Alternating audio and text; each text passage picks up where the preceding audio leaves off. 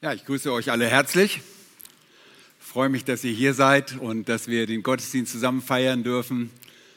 Es ist einfach das Schönste, was es gibt, wenn Kinder Gottes zusammenkommen, um Gott zu loben, ihn zu preisen, auf sein Wort zu hören, ist auch Teil dieser Anbetung. Und auch zusammen zu arbeiten, ist auch was Wunderschönes. Jeder mit der Gabe, die Gott ihnen gegeben hat. Und das ist einfach das, was wir hervorheben wollen, wenn wir Gottesdienst feiern, zur Ehre Gottes wollen wir diese Dinge tun. Heute kommen wir zu der bekannten Endzeitrede unseres Herrn Jesus Christus, die er auf dem Ölberg in Ostjerusalem gehalten hat und sie wurde in Markus 13 aufgezeichnet, parallel dazu auch im Matthäusevangelium und im Lukasevangelium eine sehr wichtige Predigt. Aber bevor ich das tue, möchte ich einleitend ein paar Dinge wiederholen. Es ist schon ein bisschen her, dass wir uns dem Markus-Evangelium gewidmet haben. Ähm, wir wollen auch wissen, wie der Herr zu der Predigt kommt und das führt alles, was bisher geschehen ist im Markus-Evangelium, führt auch zu diesem Punkt, dass er diese Predigt bringt. Wir wollen wissen, was im Vorfeld geschehen war und was für einen Ausblick es gibt. Nun, für Jesus hatte die letzte Woche seines irdischen Lebens begonnen und wir haben gesehen, dass er am Mittwoch dieser Leidenswoche, dieser Passionswoche den ganzen Tag über lehrte und am Freitag wird Jesus sterben und es gibt jetzt nicht mehr so viel Zeit. Und er hat den ganzen Tag im Tempel verbracht und dort gelehrt. Also keine Mülleimer gelehrt, sondern die Wahrheit verkündigt. Und nachdem er am Dienstag dort aufgeräumt hatte und die Geldwechsler und die Käufer und Verkäufer hinausgeworfen hatte und den Tempelvorhof Hof äußerlich reinigte, konnte er am Mittwoch dorthin zurückkehren, ohne sich selbst dadurch zu entehren. Und so nutzte er die Gelegenheit und lehrte. Und das war in der Tat ein Lehrmarathon. Er nahm seine Jünger mit und lehrte den ganzen Tag. Und das ist wirklich sehr, sehr anstrengend. Zu Beginn lehrte er in aller Öffentlichkeit denn die Menschenmenge drängte sich in den Tempel und wir erinnern uns auch, dass es die Woche des Passafestes war und zudem war es auch noch ein hoher Festtag. Das geschieht immer dann, wenn dem Passa äh, auch ein Sabbat folgt, dann spricht man von einem hohen Feiertag. Und so waren außerordentlich viele Menschen zu der Zeit in Jerusalem und auch im Tempel. Und wir haben beobachtet, wie nach einigen Lehrmomenten die Führer und die Oberhäupter Israels verärgert waren. Und sie unterbrachen ihn. Und sie begannen selbst ihm Fragen zu stellen, um ihn in einer Frage zu überführen, einer Schuld überführen zu können, weil sie trachteten nach seinem Leben. Und die erste Frage, die sie stellten, bezog sich auf Jesu Handlungsvollmacht. Wir erinnern uns, er reinigte den Tempel und es war verständlich. Sie fragten, in welcher Vollmacht tust du dies? Und wer hat dir diese Vollmacht gegeben, dies zu tun? Kapitel 11, 28. Und damit verwickelte diese korrumpierte, diese korrumpierten jüdischen Führer ihn in einen Dialog, der den Rest des Tages andauern sollte. Und dieses, das Ergebnis dieses Hin und Hers, das war es wirklich, war für Jesus eine Gelegenheit, der Tatsache Ausdruck zu verleihen, dass Gott Israel jetzt beiseite stellen würde. Jahrhundertelang war die Nation Israel der Wächter und der Haushalter von Gottes anvertrauten Wort gewesen. Sie waren Wächter von Gottes Wahrheit, seinem Gesetz und allen Verordnungen. Aber all das sollte sich ändern. Gott sollte ihnen das Reich nehmen und es einem Volk geben, dass es mehr verdiente als sie. Das hatte Jesus deutlich und unmissverständlich in Kapitel 12, Vers 9 durch ein Gleichnis zum Ausdruck gebracht. Und das so ausdrücklich, wie es nur irgendwie möglich war. Und es war, ihr erinnert euch, das Gleichnis des Weinbergbesitzers und seinen Weingärtnern, die sich gegen ihren Besitzer auflehnten, indem Jesus sagte, was wird nun jetzt der Besitzer des Weinbergs mit ihnen tun? Er wird kommen und die Weingärtner umbringen und den Weinberg anderen geben. Jahwe Gott, der Vater, würde die Haushaltung einem anderen Volk anvertrauen, das die Früchte des Reiches hervorbringen sollte. Israel hatte versagt. Und er sagte den jüdischen religiösen Führern klipp und klar, dass sie als Nation nicht mehr dazu bestimmt waren, Gottes Volk zu sein. Und sie waren nicht mehr länger dazu berufen, die Wächter von Gottes Wahrheit zu sein. Und natürlich wissen wir, und wir sind auch belehrt worden in Römer Kapitel 11, dass Gott sie nur vorübergehend absetzte. Ihr erinnert euch. Aber dieses Beiseite setzen Israels war dennoch für die Nation Israel sehr real. Und er sagt zu ihnen, das Reich Gottes wird einem anderen Volk gegeben werden, das die wahre Frucht hervorbringen wird. Und in Matthäus 22 sehen wir, dass Jesus bei seiner Begegnung mit den Führern an diesem Mittwoch auch ein Gleichnis über ein Hochzeitsmahl erzählt. Markus berichtet nicht davon und deshalb fragt ihr euch, hey, das haben wir gar nicht gehört, haben wir das verpasst? Nein, auch wenn ihr immer da wart, ihr habt es nicht gehört, aber Matthäus berichtet davon. Markus berichtet nicht davon, aber es ist ein Hochzeitsmahl, das ein König für seinen Sohn ausrichtete und alle geladenen Gäste, und in diesem Fall äh, symbolisiert in diesem Gleichnis diese Gäste Israel, Sie weigern sich, der Einladung zu diesem Hochzeitsmahl Folge zu leisten. Und so heißt es dann in Vers 7 dort in Matthäus 22, als der König das hörte, wurde er zornig. Ich meine, er lädt alle ein und die wollen nicht kommen. Und er wird zornig, sandte seine Heere aus und brachte jene Mörder um und zündete ihre Stadt an. Mit anderen Worten wird Gott sein Gericht über ein Volk ergehen lassen, das sich weigert, zum Hochzeitsmahl seines Sohnes zu kommen. Er wird ihre Stadt anzünden. Sehr deutlich. Und dann in den Versen 8 und 9 lesen wir dann vom König, dann sprach er zu seinem Sklaven, darum geht hin an die Kreuzung der Straßen und lade zur Hochzeit ein, so viele ihr findet. Also jetzt geht es über Israel hinaus. Alle anderen wurden jetzt eingeladen. Und so erscheint ein neues Volk auf der Bildfläche, das die besondere Rolle des Wächters und der Haushalterschaft von Gottes Wort und Gottes Wahrheit übernimmt. Und für eine Weile ist tatsächlich Gottes Herrlichkeit von Israel gewichen. Und wir beobachten ferner, beobachteten ferner in unserer Betrachtung des Markus Evangeliums den Anlauf der Pharisäer und Herodianer gegen Jesus mit ihrer Trickfrage nach der Steuer.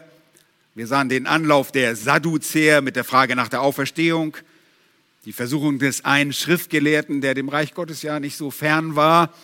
Und wir sahen, wie Jesus all diese Fragen abwehrte und sämtliche Lehrer zum Schweigen brachte und sich keiner mehr getraute, ihm irgendetwas zu fragen.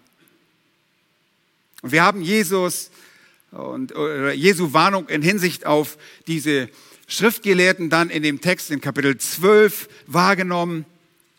Er warnt vor deren Heuchelei, vor ihrem Stolz und vor, vor allem ihrer Raffgier. Und zum Schluss von Kapitel 12 wurden wir Zeugen von ihrer Gier und ihrer Korruption, die im Tempelbetrieb herrschte, wo die Führer auch nicht einmal vor der Ausbeutung der Ärmsten zurückscheuten. Ihr erinnert euch an die Witwe die dort ihren letzten Heller und Pfennig in die Opferkästen warf. Und so endete Kapitel 12. Und so hatte Jesus die Führer angeklagt und indem er das tat, klagte er ebenso alle Menschen an, die diesen bösen Führern folgten. Das Volk war ebenso schuldig. Und ihr müsst euch dabei die Jünger zu diesem Zeitpunkt vorstellen. Und sie hören all dem zu. Und jetzt ist es an der Zeit, den Tempel zu verlassen. Der Abend nähert sich und wir kommen zu dem Text in Markus Kapitel 13. Und wir wollen den Text jetzt zusammen lesen, und zwar in seiner Ganzheit komplett. Ähm, der Predigttext für heute Nachmittag wird zwar nur die ersten vier Verse umfassen, und ich weiß, ihr seid darüber auch erleichtert, aber wir wollen ein Gefühl von dem bekommen, was in den kommenden Wochen auf uns zukommt. Und ich sage euch nur eins, es wird äußerst spannend. Die Endzeit ist ein sehr aufregendes Thema und es gibt so viel Missverständnisse über dieses äh, Thema und so viel Durcheinander und es wird uns einfach gut tun, tun, zur Ruhe zu kommen über diesen Thema und zu wissen, oh, wir sehen, stehen nicht direkt vor der Wiederkunft Jesu und der Drangsal oder wir sind nicht in der Drangsal. Wir werden dort Klarheit bekommen. Aber ich möchte uns jetzt den Text vorlesen. Markus Kapitel 13. Und als er aus dem Tempel ging, sprach einer seiner Jünger zu ihm, Meister, sieh nur, was für Steine und was für Gebäude sind das? Und Jesus antwortete ihm und sprach zu ihm, siehst du diese großen Gebäude? Es wird kein einziger Stein auf dem anderen bleiben, der nicht abgebrochen wird. Und als er am Ölberg saß, dem Tempel gegenüber, fragten ihn Petrus und Jakobus und Johannes und Andreas für sich allein, sage uns, wann wird dies geschehen? Und was wird das Zeichen sein, wann dies alles vollendet werden soll? Jesus aber antwortete ihnen und begann zu reden, habt Acht, dass euch niemand verführt. Denn viele werden unter meinem Namen kommen und sagen, ich bin es, und werden viele verführen. Wenn ihr aber von Kriegen und Kriegsgeschrei hören werdet, so erschreckt nicht, denn es muss geschehen, aber es ist noch nicht das Ende. Denn ein Heidenvolk wirkt sich gegen das andere erheben und ein Königreich gegen das andere. Und es wird hier und dort Erdbeben geben und Hungersnöte und Unruhen werden geschehen. Das sind die Anfänge der Wehen. Ihr aber habt Acht auf euch selbst. Denn sie werden euch den Gerichten und den Synagogen ausliefern. Ihr werdet geschlagen werden und man wird euch vor Fürsten und Könige stellen, um meinetwillen ihnen zum Zeugnis. Und allen Heidenvölkern muss zuvor das Evangelium verkündigt werden. Wenn sie euch aber wegführen und ausliefern werden, so sorgt nicht im Voraus, was ihr reden sollt und überlegt es nicht vorher, sondern was euch zu jener Stunde gegeben wird, das redet. Denn nicht ihr seid es, die reden, sondern der Heilige Geist. Es wird aber ein Bruder den anderen zum Tode ausliefern. Und der Vater, das Kind und Kinder werden sich gegen die Eltern erheben und werden sie töten helfen und ihr werdet von allen gehasst sein um meines Namens willen. Wer aber ausharrt bis ans Ende, der wird gerettet werden. Vers 14. Wenn ihr aber den Gräuel der Verwüstung, von dem durch den Propheten Daniel geredet wurde, dastehen seht, wo er nicht soll, wer es liest, der achte darauf, dann fliehe auf die Berge, wer in Judäa ist. Wer aber auf dem Dach ist, der steige nicht hinab ins Haus und gehe auch nicht hinein, um etwas aus seinem Haus zu holen. Und wer auf dem Feld ist, der kehre nicht zurück, um sein Gewand zu holen. Wehe aber den Schwangeren und den Stillenden in jenen Tagen. Bittet aber, dass eure Flucht nicht im Winter geschieht.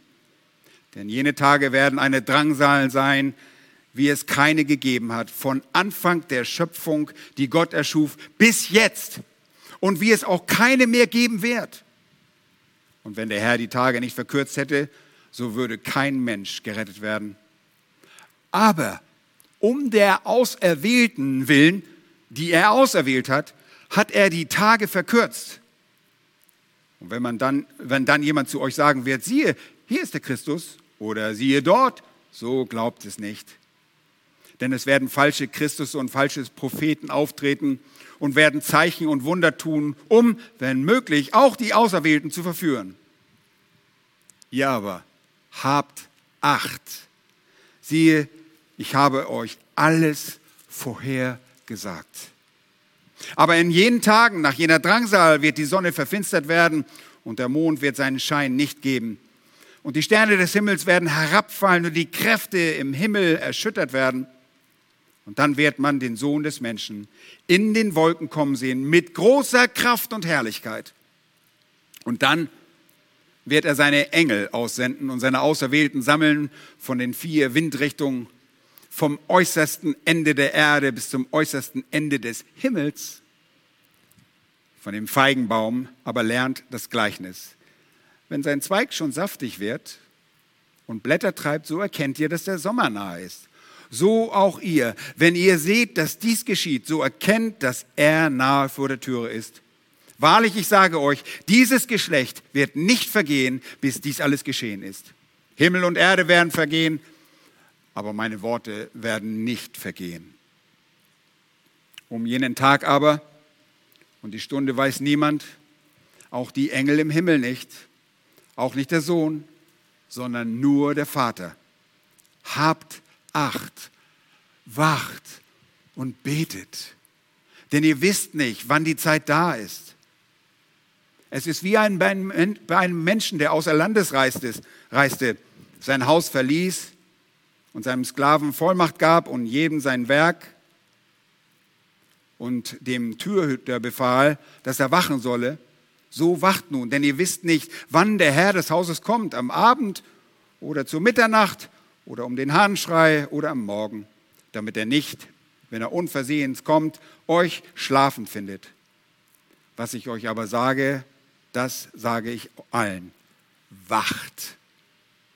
Soweit die Heilige Schrift. Wir wollen vor der Predigt den Herrn noch um seine Hilfe bitten, dass wir verstehen und recht auslegen. Herr, wir danken dir von ganzem Herzen für die Worte, die du uns gibst. Auch in der Ölberg-Predigt, Herr, alle deine Worte sind wichtig. Du hast kein überflüssiges Wort in deinem Wort niederschreiben lassen. Wir sind dir dankbar, dass wir verstehen dürfen, weil du uns Kraft deines Heiligen Geistes erleuchtest, dass du uns Verständnis gibst. Danke, dass du uns aufklärst über so Themen, die Menschen heutzutage auch in ihren Herzen und auch wir in unseren Herzen bewegen dass du uns dort auch darüber zur Ruhe kommen lässt und uns auch selbst mahnst zu wachen, dass wir nicht unsachlich werden, sondern dass wir nüchtern bleiben, dass wir an dem festhalten, was du gesagt hast, nicht was wir denken, was wir fühlen oder welche Eindrücke wir auch aus unseren eigenen Emotionen gewinnen, sondern allein aus deinem Wort. Und darum bitten wir dich jetzt, dass du uns erhältst und dass du uns ja, dein Wort aufschließt, um deines Namens willen. Amen. Und wir haben in den ersten vier Versen die Einleitung der, zur Ölbergpredigt, die Einleitung, die ersten vier Verse. Und mehr machen wir heute nicht, mehr werden wir nicht tun. Das reicht auch schon. Und wenn wir die Synoptiker jetzt öfter heranziehen, und Synoptiker sind die Parallelberichte äh, der Evangelisten Matthäus und auch Lukas, dann vor allem auch hier, denn wir sehen bei Matthäus, wie Jesus noch im Tempel seine zweite Jerusalem-Klage ausspricht. Erstmalig tat er das in Lukas Kapitel 13, die Verse 34 und 35 und dann in Matthäus 23, Vers 37, seine Klage über Jerusalem.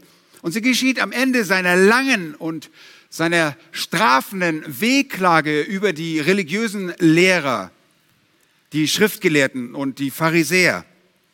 Und es heißt dort, Vers 37, in Matthäus 23, Jerusalem, Jerusalem, die du die Propheten tötest und steinigst, die zu dir gesandt sind, wie oft habe ich deine Kinder sammeln wollen, wie eine Henne ihre Küken unter die Flügel sammelt, aber ihr habt nicht gewollt. Und achtet mal auf Vers 38. Siehe, euer Haus wird euch verwüstet gelassen werden. Denn ich sage euch, ihr werdet mich von jetzt an nicht mehr sehen, bis ihr sprechen werdet, gepriesen sei der, welcher kommt im Namen des Herrn. Und mit diesen heftigen Eindrücken der Worte ihres Meisters verlassen die Jünger zusammen mit Jesus die Tempelanlage. Und wir kommen zum ersten Punkt, die Ankündigung der Zerstörung des Tempels. Die Ankündigung der Zerstörung des Tempels, die Verse 1 und 2. Und wir lesen in Vers 1 von ihrem Erstaunen. Und in Markus ist es ein Jünger, der dieses Erstaunen zum Ausdruck bringt. Und wir, er zeigt das auf, was die anderen Jünger auch dachten. Da heißt es, und als er aus dem Tempel, und das ist nicht das, äh, der, das Heiligtum der Tempel, sondern die Tempelanlage. Und das macht das griechische Wort deutlich. Da wird das Wort gebraucht, das nicht für das Heiligtum benutzt wird, sondern für den größeren Tempelbereich. Als er aus diesem Tempelbereich ging, sprach einer seiner Jünger zu ihm, Meister, sieh nur, was für Steine und was für Gebäude sind das. Und ganz offensichtlich sehr beeindruckt. Jesus lässt nicht lange warten, äh, er lässt nicht auf sich warten, sondern weiß, um seine sowie auch die fragenden Gedanken der übrigen Jünger.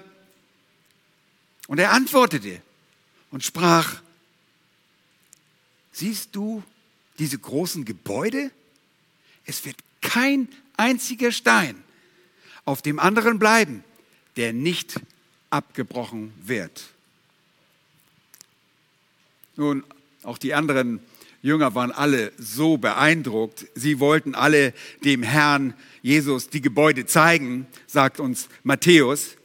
Diese Bauwerke des Tempels und die ganze Tempelanlage war einfach riesig.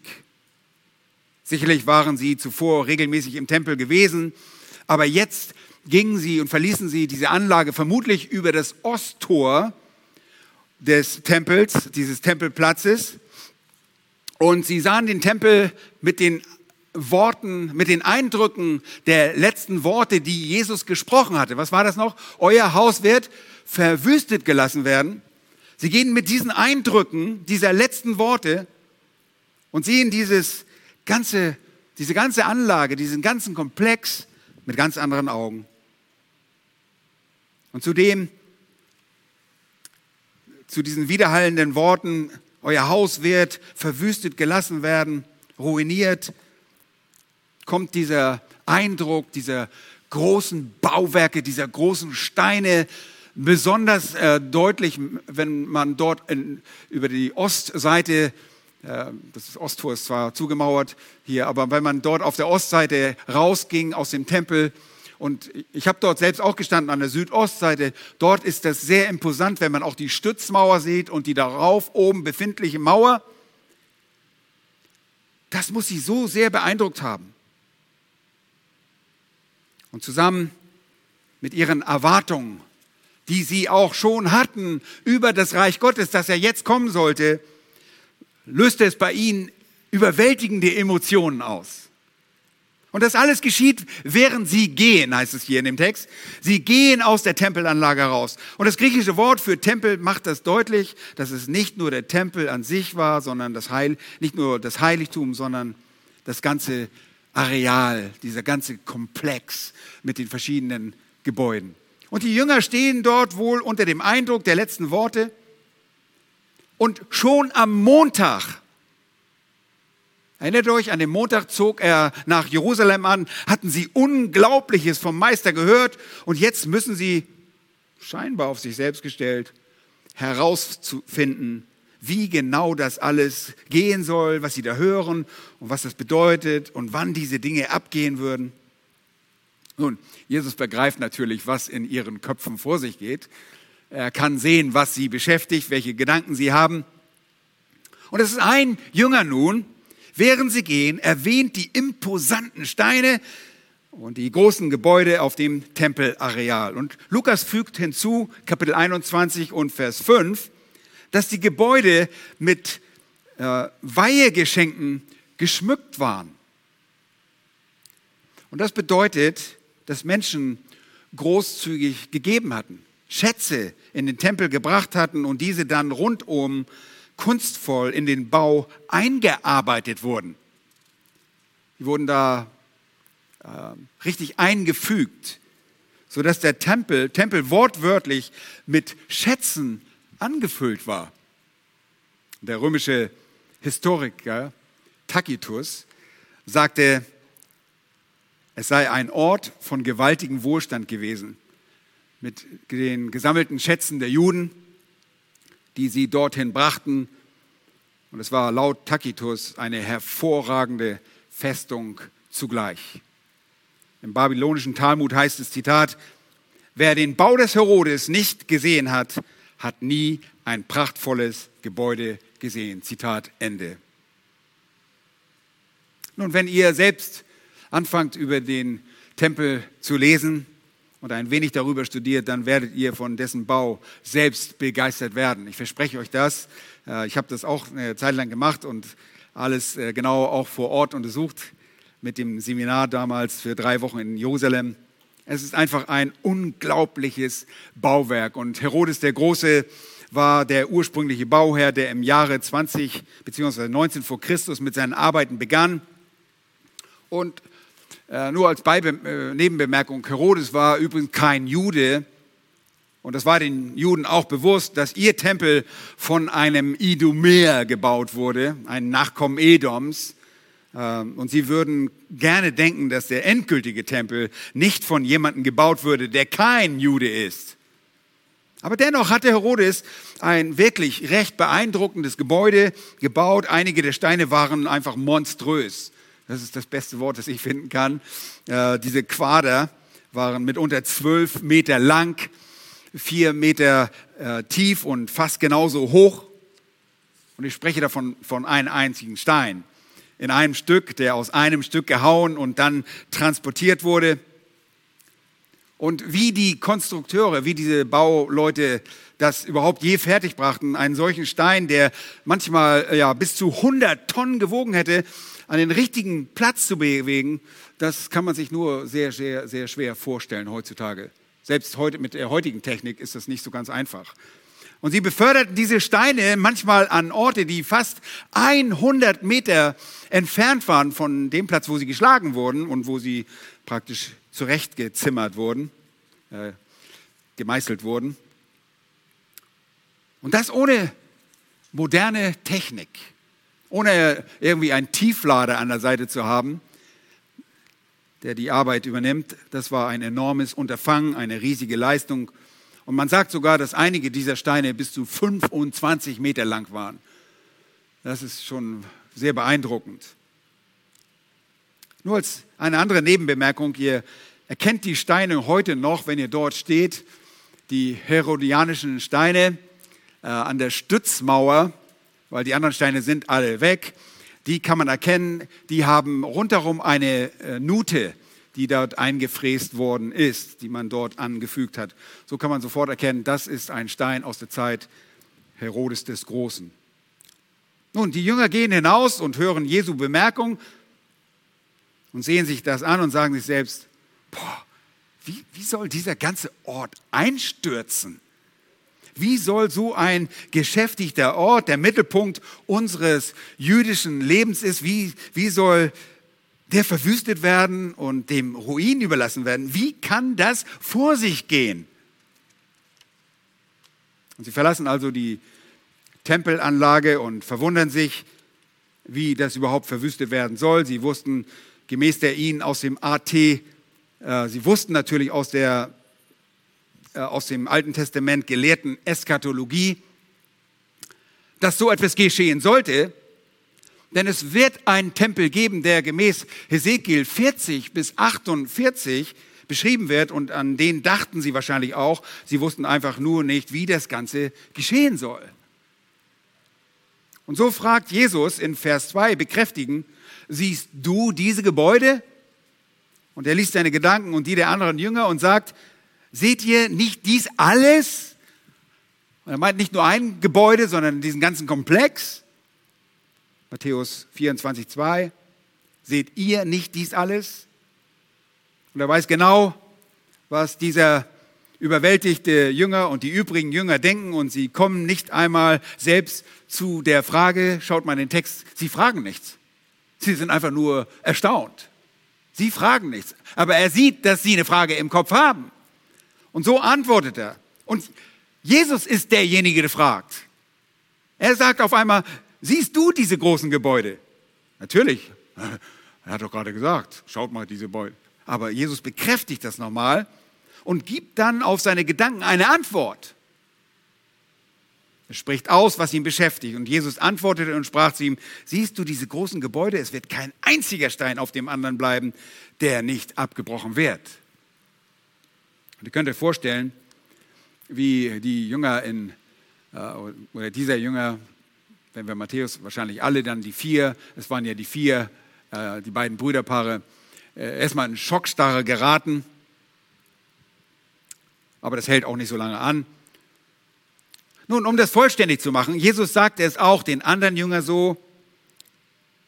Und wir fragen uns, hatten sie die Worte am Montag vergessen, die Jesus beim Einzug nach Jerusalem sprach? Was sagte Jesus dort? Lukas 19, sehr wichtige Worte. Lukas 19, die Verse 43 und 44. Da sagte er, es werden Tage kommen, über dich kommen vielmehr, da deine Feinde, über wen spricht er jetzt? Über Jerusalem, da deine Feinde einen Wall um dich aufschütten, dich ringsum einschließen und von allen Seiten bedrängen werden, und sie werden dich dem Erdboden gleich machen und deine Kinder in dir und dir keinen Stein auf dem anderen lassen, weil du die Zeit deiner Heimsuchung nicht erkannt hast. Wow, das ist deutlich, oder? Absolut deutlich. Die Jünger verstanden nicht einmal, wie man die Steine dorthin geschafft hatte, geschweige denn äh, übereinander gestapelt hatte und wie sollte man die jetzt auch wieder zerstören. Das, das ist ein riesiges Unterfangen, das auch zu zerstören. Nun, in ihrer Euphorie des Einzuges Jesu am Montag müssen sie so begeistert gewesen sein, dass sie diese Worte überhaupt nicht gehört haben. Und jetzt wiederholt er das, dass kein Stein über dem anderen bleiben wird. Der Bau war so gewaltig und wie ich schon sagte, ich stand an diesem Fundament auch der westlichen Mauer und auch die übrige Stützmauer rundherum habe ich gesehen. Das sind die herodianischen Steine und dort wird die ganze Anlage einfach nur zusammengehalten. Und ihr fragt jetzt, wieso konntest du das noch sehen? Wieso stehen da noch Steine? Warum stehen die noch übereinander? Widerspricht das nicht dem, was Jesus sagt, wenn diese Steine noch da sind? Überhaupt nicht. Denn das sind Steine der Stützmauer, nicht die Steine der Gebäude, die auf dem Tempelplatz errichtet waren oder der Mauer, die diese umgeben. Die Mauer, die heute da sind, sind auch aus der osmanischen Zeit. Das sind keine Originalmauern. Okay? Das sind die Steine der Stützmauer, die man da jetzt noch sehen kann, die den Berg befestigen und davon spricht Jesus nicht. Die Steine der Stützmauer würden durch ihre Entfernung einfach den Berg langsam auseinanderdriften lassen. Alles, was da oben drauf ist, das wird so zusammengehalten, wenn die weg wären, dann würde das langsam auseinanderdriften und weggespült werden. Nun, es reicht Jesus zu sagen, dass die Steine an diesem Ort, die Teil der Gebäude waren, einfallen werden, sodass kein Stein auf dem anderen bleiben würde. Und ihr Lieben, genau das geschah. Und wenn ihr Josephus, den jüdischen Geschäft, äh, Geschäfts-, äh, Geschichtsschreiber, lest, dann beschreibt er, wie die Anlage dem Erdboden gleichgemacht wurde, so dass ein Besucher, der dort stünde, nie wissen würde, dass jemals jemand dort gelebt hätte und dass dort etwas gestanden hätte. Und ich werde euch beim nächsten Mal als Einleitung für meine nächste Predigt ein bisschen davon erzählen. Ich glaube, heute wird es mit der Zeit ein bisschen eng. Wir haben heute ein bisschen weniger Zeit. Aber die Römer hatten die ganze Anlage einfach niedergerissen. Absolut. Weil sie wussten, wenn sie die Israeliten erfolgreich erobern wollten, dann mussten sie auch ihre gesamte religiöse Orientierung zerstören. Und dazu gehörte der ganze Tempelberg mit seinen Gebäuden. Und genau das taten sie. Und so sagt Jesus in einer sehr wichtigen Aussage, es wird kein einziger Stein auf dem anderen bleiben, der nicht abgebrochen wird. Dieser Ort wird so zerstört und verwüstet werden. Und genau das geschah. Und zwar absolut genau auf den Tag 40 Jahre später im Jahre 70 nach Christus, im April äh, 70 nach Christus kommt äh, Titus äh, mit seinen Armeen und macht den Tempel, den Boden gleich. Aber sie denken jetzt, die Jünger, die denken, oh, jetzt wird es langsam interessant. Jetzt wird es aufregend. Jerusalem wird erneuert. Und jetzt geht es los. Hier ist es die Bedrängnis. Ein Teil haben wir ja schon hinter uns. Wir sind ja schon sehr bedrängt worden. Und der Vorläufer war auch bereits hier. Sie hatten Johannes den Täufer gesehen. Der Messias ist hier und sie hatten ihn identifiziert. Ihr erinnert euch an Petrus gewaltige Worte. Du bist der Christus. Das ist der Messias. Jesus hatte seinen triumphierenden Einzug gehalten, hat sich also äh, zu erkennen gegeben. Und jetzt können wir die Läuterung sehen, die Erneuerung des Tempels und damit natürlich auch die der gesamten Stadt. Und all das geht wahrscheinlich jetzt in ihren Köpfen vor. Und als sie jenen Ort verlassen, schwirren so Gedanken in ihren Kopf. Und deshalb sind sie im Prinzip auch noch voller Hoffnung. Es ist nicht so, dass sie jetzt schockiert sind und Kinnladen bleibt unten und die, ah, Mist, ah, das ist ja richtig blöd. Und, nee, nee, das steigert ihre Hoffnung. Und sie würden das alles an der Seite ihres Meisters miterleben. Deshalb gibt es auch diese ganzen Querelen der Jünger, wer von ihnen wohl der Größte sei in dem Reich, das in ihren Köpfen jetzt aufgerichtet werden wird. Und am nächsten Tag, am Donnerstag, wenn sie zusammen sind, streiten sie sich wieder darüber, wer wohl der Größte ist im Reich Gottes wer wohl, auf die, wer wohl die prominenteste Position im Reich Gottes neben Jesus einnehmen würde. Seht ihr, das ist immer noch alles in ihren Köpfen. Und nun gehen sie an der Rückseite des Tempels herunter in das Kedron-Tal dort im, im Osten und nach dessen Überquerung auf der anderen Seite hinauf auf den Ölberg. Und das ist ein ziemlicher Anstieg. Ich meine, für geübte Leute wie euch ist das nicht so schlimm, aber äh, ich bin da auch selbst hochgelaufen. Jeder Jerusalem-Besucher macht das eigentlich und setzt sich dort auf der Gegenseite äh, auf den Ölberg und schaut auf die Altstadt und auf das Tempel, auf den Tempel. Und wenn man dort diesen Gipfel erklommen hat, und das ist natürlich kein Mount Everest, aber äh, dennoch setzt man sich dort gerne hin und man ruht und das taten sie auch.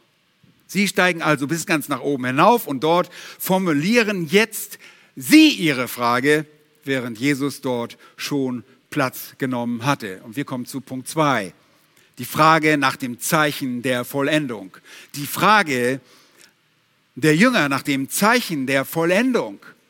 Die Verse drei und vier. Und wir erfahren, dass es Jakobus, Petrus, Johannes und Andreas, die engsten vier der zwölf, diese Frage für den Rest formulierten und auf Jesus zukamen. Und als sie oben ankamen, setzten sie sich hin. Und ihr könnt euch vorstellen, wie sie dort sitzen, während vielleicht die Sonne dort im Westen äh, über der Altstadt, über den Häusern äh, Jerusalems untergeht wenn ihr heute dort sitzt, ist fast ein ähnlicher Anblick, wie es wohl Jesus auch gesehen haben mag. Die äh, Architektur dort, einige der Häuser werden immer noch genauso gebaut aus dem gleichen Kalkstein, der damals verwendet wurde. Klar gibt es auch Neubauten. Und er hätte natürlich auch nicht die El Aqsa gesehen oder den Felsendom mit, seinem, mit seiner goldenen Kuppel, sondern den noch viel erhabeneren Tempel des Herodes mit seinem Gold obenauf. Den hätte er gesehen, dort in dieser Abendsonne, in der Dämmerung vielleicht schon. Ihr erinnert uns, er hat den ganzen Tag äh, gelehrt und jetzt ist er auf dem Weg zu seinen Freunden nach Bethanien. Ein letztes Mal wird er dort übernachten. Und äh, jetzt kommt diese Frage. Und sie hätten gedacht, das ist, Leute, jetzt wird sich alles erfüllen, hier und jetzt. Es wird alles auf einen großartigen Höhepunkt zulaufen. Wir leben in dem richtigen Moment der Geschichte, der Herrlichkeit des Volkes Israel. Jetzt ist es soweit. Und mit einer Frage ihrer Herzen nähern sie sich, also die beiden Brüderpaare, und fragen, sage uns, wann wird dies, Tauta, griechisch Tauta, ganz allgemein, wird, wird dies geschehen? Und was wird das Zeichen sein, wann dies alles, nochmal Tauta, vollendet werden soll? Und nochmals, es ist kein öffentlicher Dienst mehr, sie kommen alleine und sie fragen nach der Zeit und dem Wie der Vollendung. Bereitet Ihnen das bisher Gesagte irgendwie noch Schwierigkeiten? Sind sie lähmend schockiert? Nicht wirklich. Denn jeder Jünger, der zuvor ein Student der Schrift war, hätte gewusst, dass es im Reich des Messias einen neuen Tempel geben würde, der genau beschrieben wird in den Kapiteln Hesekiel, Kapitel 40 bis 48, diesen dort so herrlichen Tempel des Reiches. Und es sollte nicht der Tempel sein, der von einem Nichtjuden, von Herodes gebaut werden sollte, sondern von einem ihrer Leute. Und der Tempel in Hesekiel unterschied sich natürlich auch, und das könnt ihr deutlich nachlesen, wenn ihr diese Kapitel lest, von dem herodianischen Tempel. Oh, sie hätten überhaupt kein Problem damit gehabt, dass Jesus jetzt den Tempel dem Erdboden gleich macht. Das hätten sie sich am besten vorgestellt, dass er das macht. Sie hätten kein Problem damit gehabt, dass er die heuchlerische Religion verwüstete, wie die Propheten es ja auch zuvor schon angekündigt hatten. Die Propheten sagten ja schließlich auch, dass die Nation geläutert werden müsse und sie hätten das alles wohl nachvollziehen können. Aber was sie nicht wussten, war wie und wann. Wann sollte das geschehen? Nun, was meinten Sie mit dem dies? Wann wird dies geschehen? Das sind die Dinge, von denen Jesus hier gerade gesprochen hatte. Das Niederreißen des Tempels, die Verwüstung Jerusalems und auch die Ankunft des Messias im Namen des Herrn. Davon hat er auch gesprochen. Und wir sehen auch, dass er von seiner Parousie, seiner Ankunft spricht im Matthäusevangelium. Sie sahen all das als ein Ereignis. Und der Tempel wird niedergerissen, die Stadt wird verwüstet, der Messias trifft in seiner Herrlichkeit ein. Und darin sehen sie das Gericht, das er dann über die Nation hereinfallen lassen würde. Er würde sie bekämpfen. Sie sehen die erneute Versammlung des Volkes Israels aus der ganzen Welt. Er würde sie alle zusammenbringen und das Ende der jetzigen Weltzeit und die, Erreich die Errichtung des Gottesreiches stünde bevor. Äh, stünde an. Ja. Also sagten sie, sage uns, wann wird dies geschehen? Wann wird es, was wird das Zeichen sehen, wann das alles vollendet werden soll? Und wenn die Jünger nach dem Wann fragen, dann denken sie nicht an irgendein Ereignis, das irgendwo in ferner Zukunft stattfinden wird.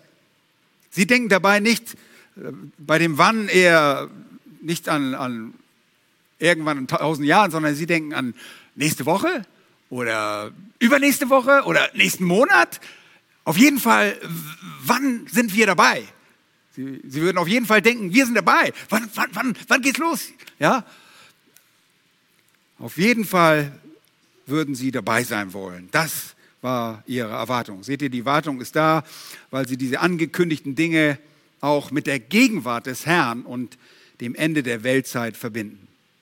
Und das geht aus dem Matthäusbericht deutlich hervor. Da heißt es in Matthäus 24, Vers 3 in der zweiten Hälfte, sage uns, wann wird dies geschehen und was wird das Zeichen deiner Parousia, deiner Wiederkunft hier übersetzt, und das Ende der Weltzeit sein. Sie sehen keine Zeit zwischen den kommenden Ereignissen. Sie, da ist keine Zwischenzeit dazwischen. Sie sehen alles zusammen. Und die Zerstörung Jerusalems ist ein Teil der ganzen Sache. Sie sind einfach sehr aufgeregt. Und ich meine, wer wäre das nicht, wenn ihr glaubtet, das Reich Gottes fängt morgen an oder übermorgen, dann würde man ein bisschen nervös werden. Und Jesus sitzt dort und schließlich ist er bei ihnen und er ist gegenwärtig und er sagt nicht, er würde den Tempel zerstören, die Stadt verwüstet hinterlassen. Und das nächste Mal, wenn ihr dann äh, ihn sehen würdet, würde er dann in Herrlichkeit im Namen des Kommenden. Nein. Sie hörten die Worte alle so, dass es jetzt stattfinden würde. Ihr Lieben, die Jünger waren sehr aufgeregt und deshalb stellen sie die Frage, wann und was, was ist das Zeichen? Und sagen, ja gut, Herr, aber wir, wie wissen wir, dass es alles so geschehen wird? Gib uns einen Hinweis, etwas Handfestes, was wird das Zeichen sein? Gibt es irgendwie ein helles Licht? Gibt es Dunkelheit? Hören wir eine laute, ein lautes Schofarhorn, äh, das geblasen wird oder ein Engel aus dem Himmel? Was geschieht? Was ist das Zeichen? Und sie waren gespannt. Wisst ihr, diese Art der Befragung durch die Jünger ging sogar noch nach der Auferstehung Jesu weiter. Denn als sie mit Jesus erneut sich versammelten, dort im ersten Kapitel in der Apostelgeschichte, fragen sie, Herr, stellst du in dieser Zeit für Israel König, die Königsherrschaft wieder her? Jetzt, jetzt ist doch der Zeitpunkt, oder? Das findet doch jetzt statt, oder? Und sie fragen immer noch danach. Und Jesu Auferstehung beendete ihre Hoffnung nicht. Sie schürte sie. Sie, sie verstärkte sie noch viel mehr. bei Jesu Tod waren sie wirklich verzweifelt, aber als er aus dem Grab aufstand, ging das Licht der Hoffnung wieder an und sie fragten, ist es jetzt der Zeitpunkt?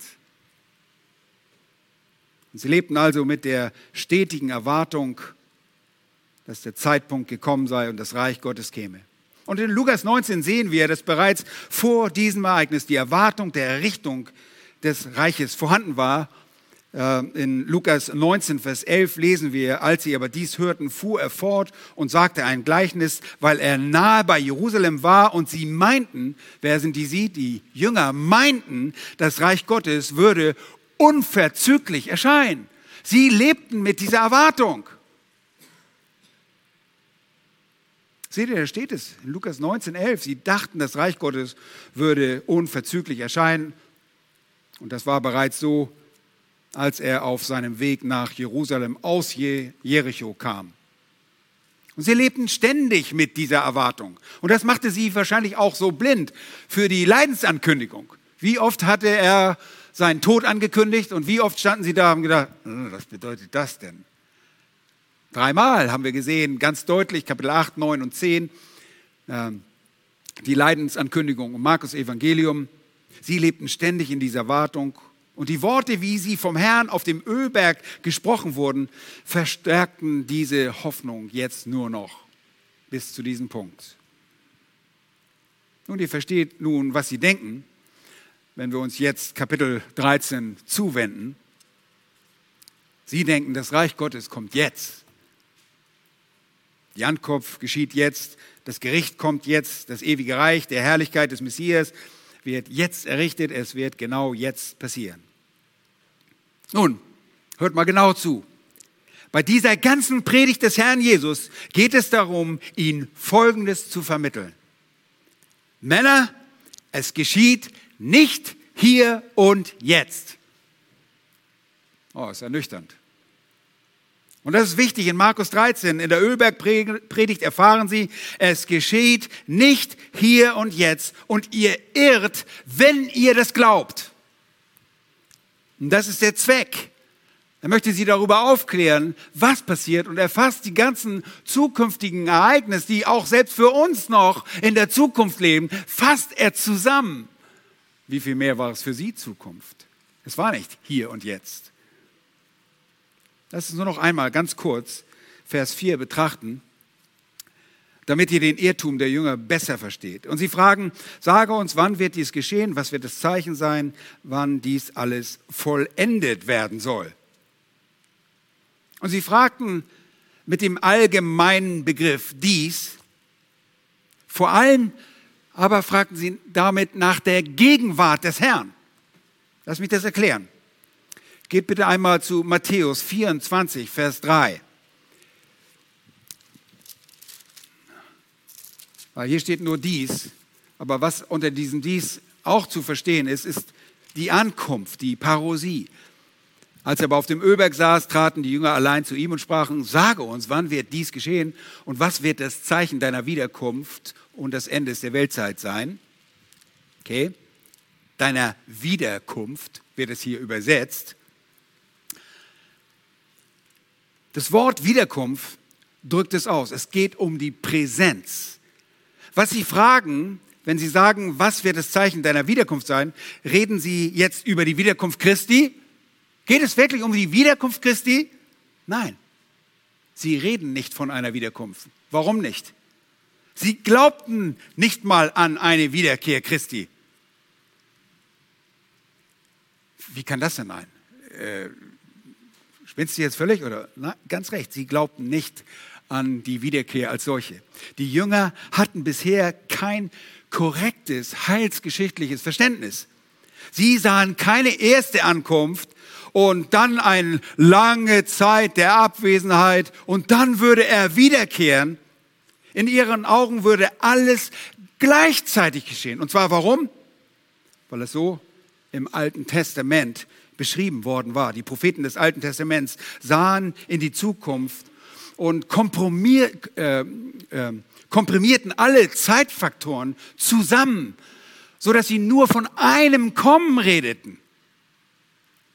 Und dieses zweite, die Zeit dazwischen, war ein Geheimnis, das uns im Neuen Testament offenbart wird.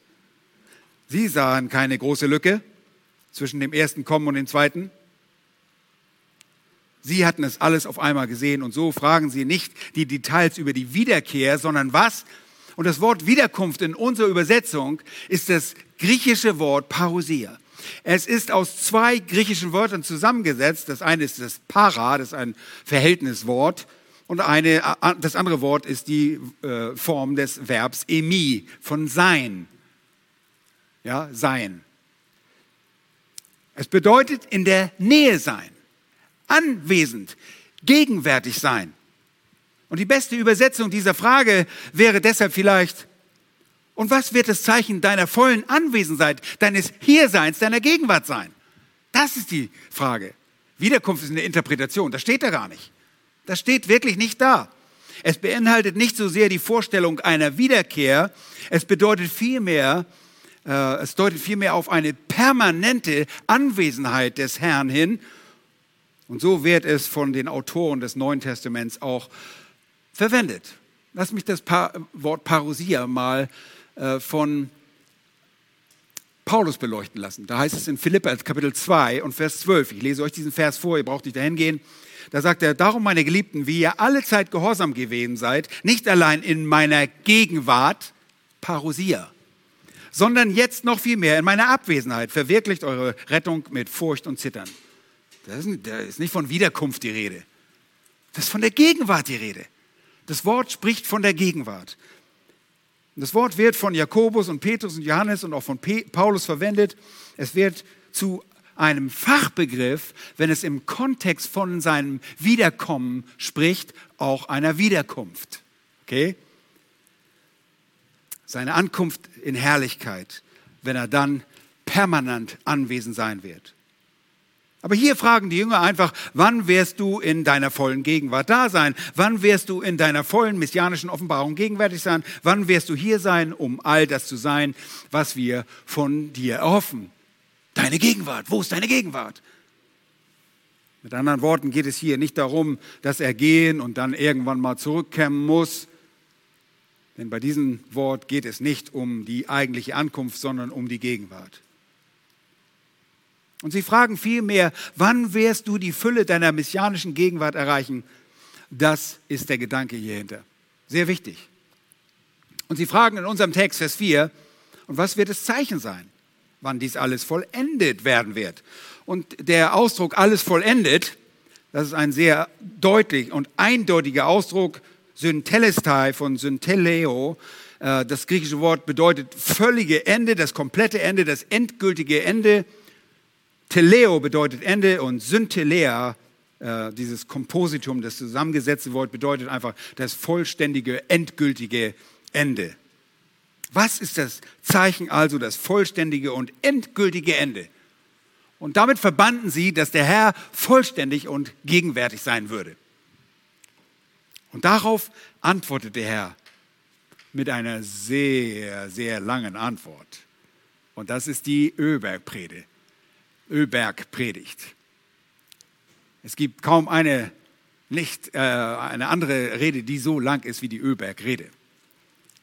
Und wenn er diese Ereignisse dann eröffnet, dann zeigt er ihnen, dass die Dinge, die, von denen er redet, nicht im Hier und Jetzt geschehen, sondern dass sie noch in Ferne liegen. Und was nicht für uns Zukunft ist, war das für die Jünger bevorstehende Ereignis der Zerstörung des Tempels. Für sie war es auch noch Zukunft 40 Jahre später an dem Passafest in April Jahre 70, also genau 40 Jahre später, zerstört Titus Jerusalem. Die meisten von ihnen sollten es zwar nicht mehr miterleben, denn sie starben als Märtyrer. Meines Wissens war nur noch Johannes, der Apostel Johannes am Leben, der das überlebte. Aber davon wollen wir hören. Wir wollen die nächsten Ereignisse auseinanderklamüstern und äh, parallel dazu auch durch die Offenbarung gehen. Und es ist wirklich spannend. Ich habe schon ein bisschen vorgearbeitet und äh, freue mich sehr darauf. Es ist ein äh, spannendes Ereignis, was dort stattfinden wird. Äh, nicht nur ein Ereignis, viele Ereignisse. Und lass uns den Herrn einfach danken, dass wir in Bezug auf die Zukunft nicht verwirrt sein müssen. Ja, dass wir nicht bei jedem Kanonschlag irgendwie denken, ist es jetzt, kommt es jetzt? Oder bei jedem, der Corona bekommt und denkt, ah, jetzt ist die Pest ausgebrochen und äh, jetzt ist der Herr vor der Tür. Lass uns nüchtern bleiben und lass uns sehen, was die Schrift sagt.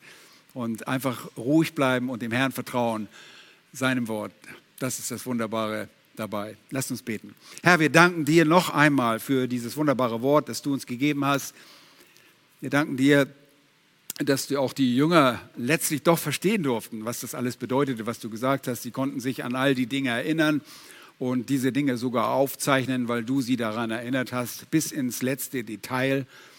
Danke dafür, dass sie uns diese Dinge aufgezeichnet haben und dass wir an diese Dinge herangehen können, nicht wie an Dokumente der Kirchengeschichte, die manchmal sehr fragwürdig sind und man nicht genau weiß, ist das jetzt etwas hinzugedichtetes hinzugedichtet ist oder nicht. Dein Wort ist die Wahrheit, es ist in jedem Wort, in jedem Strichlein und jedem Tüpfel äh, bis ins letzte Detail einfach nur die Wahrheit. Danke dafür. Wir bauen unser Leben auf dein Wort und preisen dich dafür, dass wir Hoffnung haben. Eine Hoffnung, die nicht zustanden werden kann, weil du wahrhaftig bist. Und wie wir auch gelernt haben, du bist Jahwe, du bist der bündnishaltende Gott, du bist gut und deine Loyale Liebe wäret ewiglich. Halleluja. Amen.